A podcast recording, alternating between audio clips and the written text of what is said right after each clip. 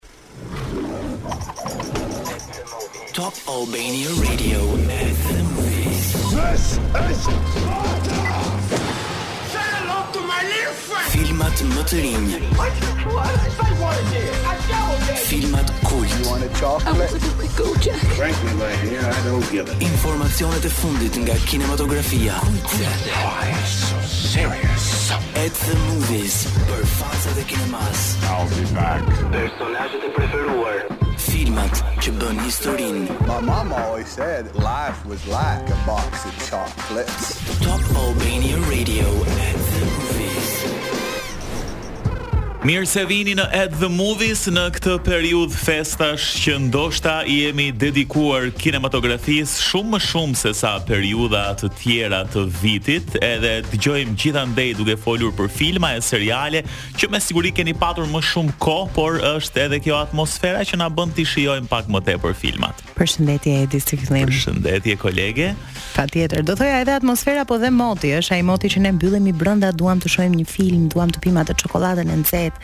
Amerikanët e shijojnë me marshmallows dhe na thotë mami të të hedh çik mjaltë te çaji. Oh, sa bukur. Kemi marshmallows aty. Nuk do doja të isha këtu. Megjithatë, kjo është vërtet një periudhë ku të gjithë uh, Kemi parë shumë filma, unë e vë re se pashë sot që unë nuk e dija cilat do të ishin sugjerimet e tua dhe unë i kisha parë këto filma, do të thotë që edhe unë jam shtruar se këto kohët e fundit nuk kam patur një marrëdhënie kaq të mirë me filmin dhe do të flasim sot um, pikërisht për sugjerimet tona, në fakt do të bazohemi ndoshta më shumë në Netflix sepse Ëm, kompania kishte bërë një lloj liste me të dhënat e vitit dy mijë e njëzet e tre që madje ishte hera e parë që i kishte publikuar hapur me klikime me orë dhe sa njerëzit kanë shpenzuar kohë në platformë. Kemi edhe një premierë ndërkohë, traileri i të cilës mua më pëlqeu shumë, Dhe do të flasim sigurisht edhe për premierën e madhe që erdhi në fakt më datë 12 dhe nga data 13 ka filluar të shfaqet në çdo kinema. Po flasim për 5 herë jo, që u bë në fakt edhe sensacioni i momentit për gjithë çfarë ndodhi në premierë. Nisim programin uh, me një këngë shumë interesante uh, dhe shumë të bukur. Është nga filmi The Color Purple titullohet There Will Come a Day. Don't Need to Sleep nga John Legend vjen si kolonë zanore We Dare to Dream ndërsa ne rikthehemi në program për të folur për premierën e ditës së sotme që titullohet Wonka, për çfarë bën fjalë?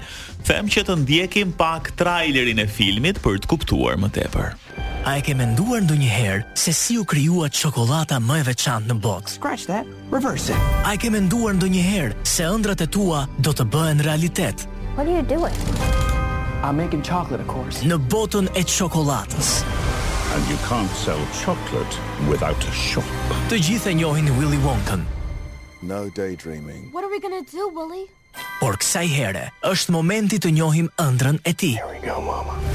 Zbuloni sekretin e ëmbël se si Willy Wonka krijoi çokollatën më të veçantë në botë. Wonka në Cineplexx TEG dhe QTU.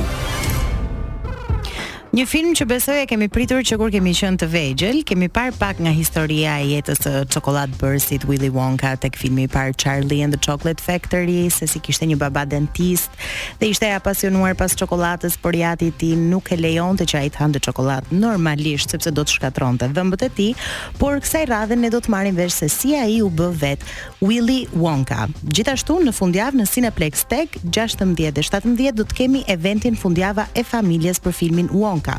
Do të ketë lojëra, do të ketë dhurata për të gjithë fëmijët. Uroj shumë që këto dhurata të përfshijnë çokollatën. Po me siguri që po, kur bëhet fjalë për Willy Wonkën, um, dhe fansat e këtij filmi pa dyshim që e duan shumë uh, çokollatën, kështu që edhe mund ta shikoni filmin Kam përshtypjen që do të shijoni dhe çokollatë të mirë në Cineplexx se nuk do ketë si të ndodhë ndryshe. Wonka është një nga premierat e cila në fakt do të shfaqet në fundjavë edhe në vijim, por ndërkohë vijon edhe pesë herë jo. Um, që premierën e madhe e kishte më datë 12 dhjetor, ku në fakt pamë edhe një propozim real dhe të gjithë menduam që pas 5 herëve jo, më në fund dikush tha po. Edhe ishte shumë interesante. Më pas nga data 13 po shfaqet në çdo kinema komedia shumë interesante dhe unë nuk e kam parë ende, po kam marrë shumë komente pozitive nga njerëzit që ishin në premierë dhe që kanë patur kohë ta shikojnë këto dy ditë. Interesi ndërkohë ka qenë shumë i madh. Kishte bërë një postim Cineplexx që vetëm dje ishin shitur 2000 bileta, duke e bërë Cineplexx-in shqiptar një ndër kinemat më të suksesshme të Europës Juglindore, jo vetëm për pesë herë jo, por në përgjithësi për muajt e fundit që në fakt mua më surprizon kjo gjë se jemi ankuar gjithmonë për këtë pjesëmarrjen e ulët në kinema të filmit dhe duket se në kuadër të dashurisë, por edhe pesë herë jo kanë kontribuar fuqishëm që publiku shqiptar të rikthehet në kinema. Sa i përket në kuadër të dashurisë, pashë që sot nis premiera në Cineplexx në Gjermani, kështu që të gjithë ju mund të nxitoni për biletat tuaja që me siguri i keni prenotuar. Sa i përket um, pesë herë jo, Uh, sot, nesër dhe pasnesër do të jetë në Pallatin e Kulturës Labëria në Vlorë. Po shikoj gjithashtu që do të ketë më 21 dhjetor një meet and greet në Gjakovë, në kinema Hyri e Hana dhe kështu do të vazhdojë rrugëtimi i pesë herë jo. Um, pothuajse si në kuadër të dashurisë në shumë mhm. qytete bashkë me protagonistët. Po të ndërpres pak se mm -hmm. unë mhm. ndoshta kam qenë dhe prezente në të gjitha këto meet and greet dhe mendoj që ai matësi i suksesit të një filmi dallohet nga normalisht publiku dhe kur ti dëgjon një publik të tërë që qesh, qoftë kur je brenda, qoftë kur je jashtë, aq më shumë kur je jashtë dhe ti dëgjon që njerëzit po qeshin nga brenda kinemasë, do thotë që një film komedi romancë e ka arritur atë qëllimin e tij. Mm. Gjithashtu doja të thoja që me datë 20 do të jetë në Prizren dhe në Prishtinë, premiera dhe meet and greet-i ku njerëzit mund të shkojnë, me 21 në Gjakovë dhe nesër është meet and greet-i në Vlorë, Kështu që nxitoni të takoni të bëni një foto me aktorët dhe pastaj normalisht shijoni premierën. Absolutisht. Po dhe me një skenar shumë interesant, mua më pëlqeu shumë që mbase do të tingëllojë disi i njohur, por në atmosferën shqiptare shumë i bukur, kështu që ia vlen absolutisht pesë herë jo. Mirë, um, për biletat sigurisht mund të drejtoheni në Cineplex, te sportelet, por edhe në aplikacionin Cineplexx AL, ku mund ta blini biletën online, të rezervoni dhe vendin tuaj dhe gjithçka bëhet shumë më e lehtë. Shkëputemi tani dhe do të vijmë pas pak me Edean për të folur për një film që rastësisht ne paskemi parë në të njëjtën kohë, Por ti e ke mbaruar dhe mua më ka zënë gjumi. Dhe sa inat më vjen që nuk të tregoj dot fundin. Titullohet Leave the World Behind, po do flasim pas pak për këtë dhe për uh, një përmbledhje të Netflixit të vitit 2023. Mirë, rikthehemi prap në At the Movies dhe nuk kanë si të mungojnë çdo të premte sugjerimet e mia dhe të Edit. Një film që po bëhet kryefjalë kudo në botë është pikërisht Leave the World Behind.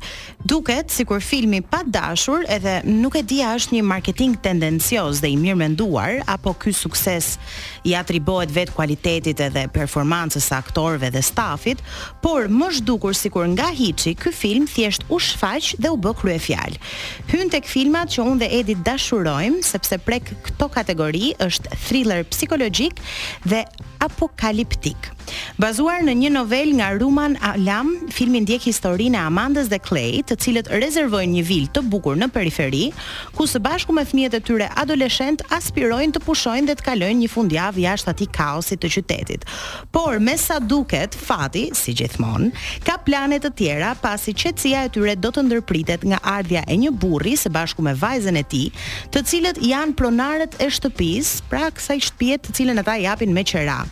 Një atak kibernetik ka shkatërruar çdo linjë telefoni wireless dhe çdo akses me botën dhe të gjithë këta të panjohur janë të vetëm në një shtëpi pa kurrfarë njohurie se çfarë po ndodh me botën e jashtme.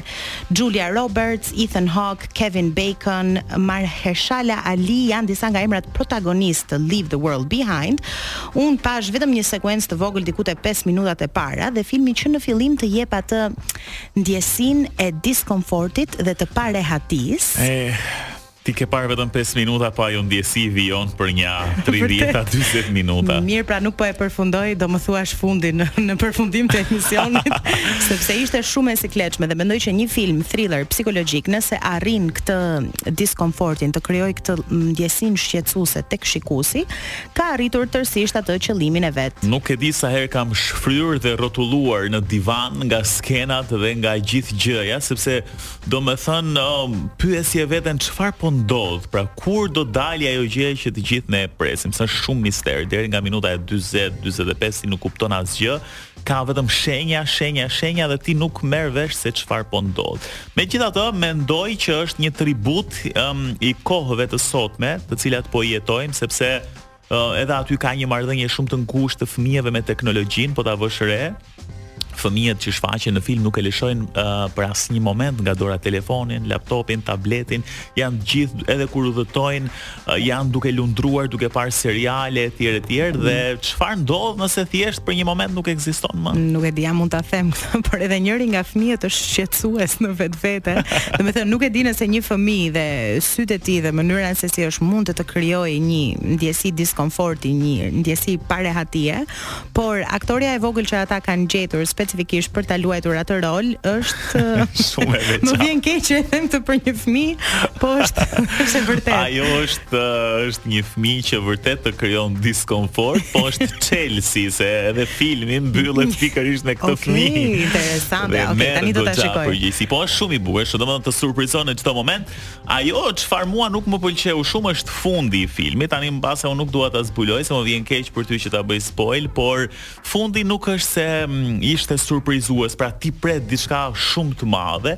Tani ka dy gjëra, ose filmi do vijoj, pra do ketë një plan të dytë megjithëse unë bëra ato kërkimet e mia dhe deri më tani nuk ka plan për një Leave the World Behind 2, ose është mbyllur aty dhe na ca kton ose na përcakton të gjithëve se çfarë uh, fundi duhet t'i japim pra. Pra ka një fund të hapur. Ka një fund tërësisht të hapur që ndoshta secilit prej nesh i përket dhe ta marri në cilën formë të doj. Um, sepse është një fund krejt bazik i thjeshtë dhe mbase jo i paqëllim. Me shoqërinë time i quajmë filma francezë këto. Po, është tipik francez. Në fakt as unë nuk e zgjodha vetë, ma sugjeruan dhe më thanë që pasi të shohim këtë film, ne nuk do ta shohim më botën njësoj dhe sigurisht sapo dëgjova këtë, u ulëm ta shikonim. Ëm um, interesant, i bukur, domethënë ato minuta kalojnë shumë shumë interesante. Ëm um, kishte madje disa detaje që ti do t'i pëlqesh shumë. A mund ta zbuloj një detaj? Detajin zbuloje. Okej. Okay. Uh, domethënë duke qenë se çdo gjë ishte hakeruar, mm -hmm. uh, ishte hakeruar dhe fabrika e Teslas dhe dikush i kontrollonte makinat e Teslas pa shofer dhe ata thjesht shkonin në një rrugë dhe përplaseshin me njëra-tjetrën dhe kur ka një plan të madh janë rreth 5 km rrugë me Tesla të reja të përplasura nga një dorë që i kontrollonte nga larg. Pse ishte një detaj që do më Intrigonte mua. Njëri ishte ky, pra sepse skena ishte e jashtëzakonshme se çfarë mund të bëjë njeriu në një periudhë ku të gjithë jemi të varur nga teknologjia. Ëm mm -hmm. um, ka edhe ca skena të tjera pastaj të frikshme. Kjo vajza e vogël parashikon disa gjëra, edhe ka një lloj ndërlidhje, ankthi do të shtohet pafund sepse nëse ti në një film klasik Ke një skenë që të shkakton ankth, aty janë të treja skenat që i ka vënë në të njëjtin nivel dhe kanë të njëjtin ankth. Pra ti domethënë thjesht mbushesh në frymë sepse po ndodh një gjë krejt, po shpërthen një konflikt andej, po shpërthen një këtej dhe të treja i merr në të njëjtin moment. Duhet të vinte i shoqëruar filmi me një adalat ose me një aspirinë. Duhet të mbash ibuprofen aty afër dhe aparatin e tensionit për çdo rast. Shumë interesant, kështu që ja sot ramë dakord në një film që të dy e pamë. Ti e ke nisur po përfundoje realisht se është shumë interesant. Mirë, shkëputemi tani për pak dhe rikthehemi për të bërë um, një përmbledhje le ta quajmë kështu se çfarë ka publikuar Netflixi gjatë vitit 2023 dhe çfarë ishte Më e parë nga filmat dhe serialet shkurtimisht sepse ka shumë tituj sigurisht. Rikthehemi në program, tani jemi me Netflix, në fakt që ka publikuar për herë të parë të dhënat e shikuesve për 99% të katalogut të tij. Duket se The Night Agent është i pari një serial që flet mbi një agjent të mm, FBI-së, i cili punon në fakt në një turn nate, me sa kam parë unë se jam interesuar ta shikoj por ende nuk jam bërë për mbarë dhe nga një Punonjës i thjeshtë, jo një agjent, po themi me të drejta të plota që thjesht merrte telefonata natën për shqetësimet e um, qytetarëve, merr përsipër ose involvohet, përfshihet në një çështje shumë më të madhe që prek edhe sekrete shtetërore dhe sigurinë kombëtare. Pra këtu nis gjithçka. Janë plot 812 milion orë të para në The Night Agent. Është një thriller politik dhe e ka bërë këtë shfaqjen më të shikuar të vitit në Netflix. Më pas renditet uh, sa i përket serialeve që të mos ndalemi shumë se ne po shkojmë edhe drejt fundit të programit është Ginny and Georgia, është The Glory, Wednesday që e kemi parë, uh, Queen Charlotte, You, uh, La Reina del Sur dhe Outer Banks janë këto 10 serialet po themi më të klikuara ose më të shikuara të Netflix. Sa i sa i përket filmave, uh, shpejt e shpejt po them Murder Mystery 2, e ke parë pjesën e dytë të Murder Mystery me Adam Sandler? Po. Dhe nuk është aq mirë sa i pari, më vjen keq që po e them. Edhe mua më ka pëlqyer më shumë i pari, me thënë të drejtën, po gjithsesi interesant, e kanë mbajtur pothuajse në të njëjtin nivel. Fair Play, Dog Gone, Hunger, Extraction 2, We Have a Ghost dhe Reptile. Reptile e kam parë gjithandej si titull. Por kur nuk e nisur ta ndjekësh. Nuk jo. je për seriale ti edhe ta kam thënë ti jo, vetëm për filma. Jo, Reptile është film, okay. është film, por um, kam parë që është bërë shumë viral ndoshta edhe nga titulli, se titulli të intrigon goxha Reptile, por që më duhet ta shohim dhe. Madje kemi pasur dhe të ftuar në këtë studio në pikërisht këtë studio që kanë thënë që shumica e personazheve publik janë, janë reptile, reptile dhe klone. Pikërisht, pikërisht. Jemi në fund DJ XXL, absolutisht që po kemi edhe një fitues për të shpallur dhe është um, Arb i cili ka gjetur përgjigjen e saktë në fakt të videos që kemi publikuar në Instagram dhe është bërë automatikisht fituesi i dy biletave për të parë filmin e tij të preferuar në Cineplex. Ne bashkë jemi të premten e ardhshme, deri atëherë, fundjavë të këndshme dhe shikoni shumë filma.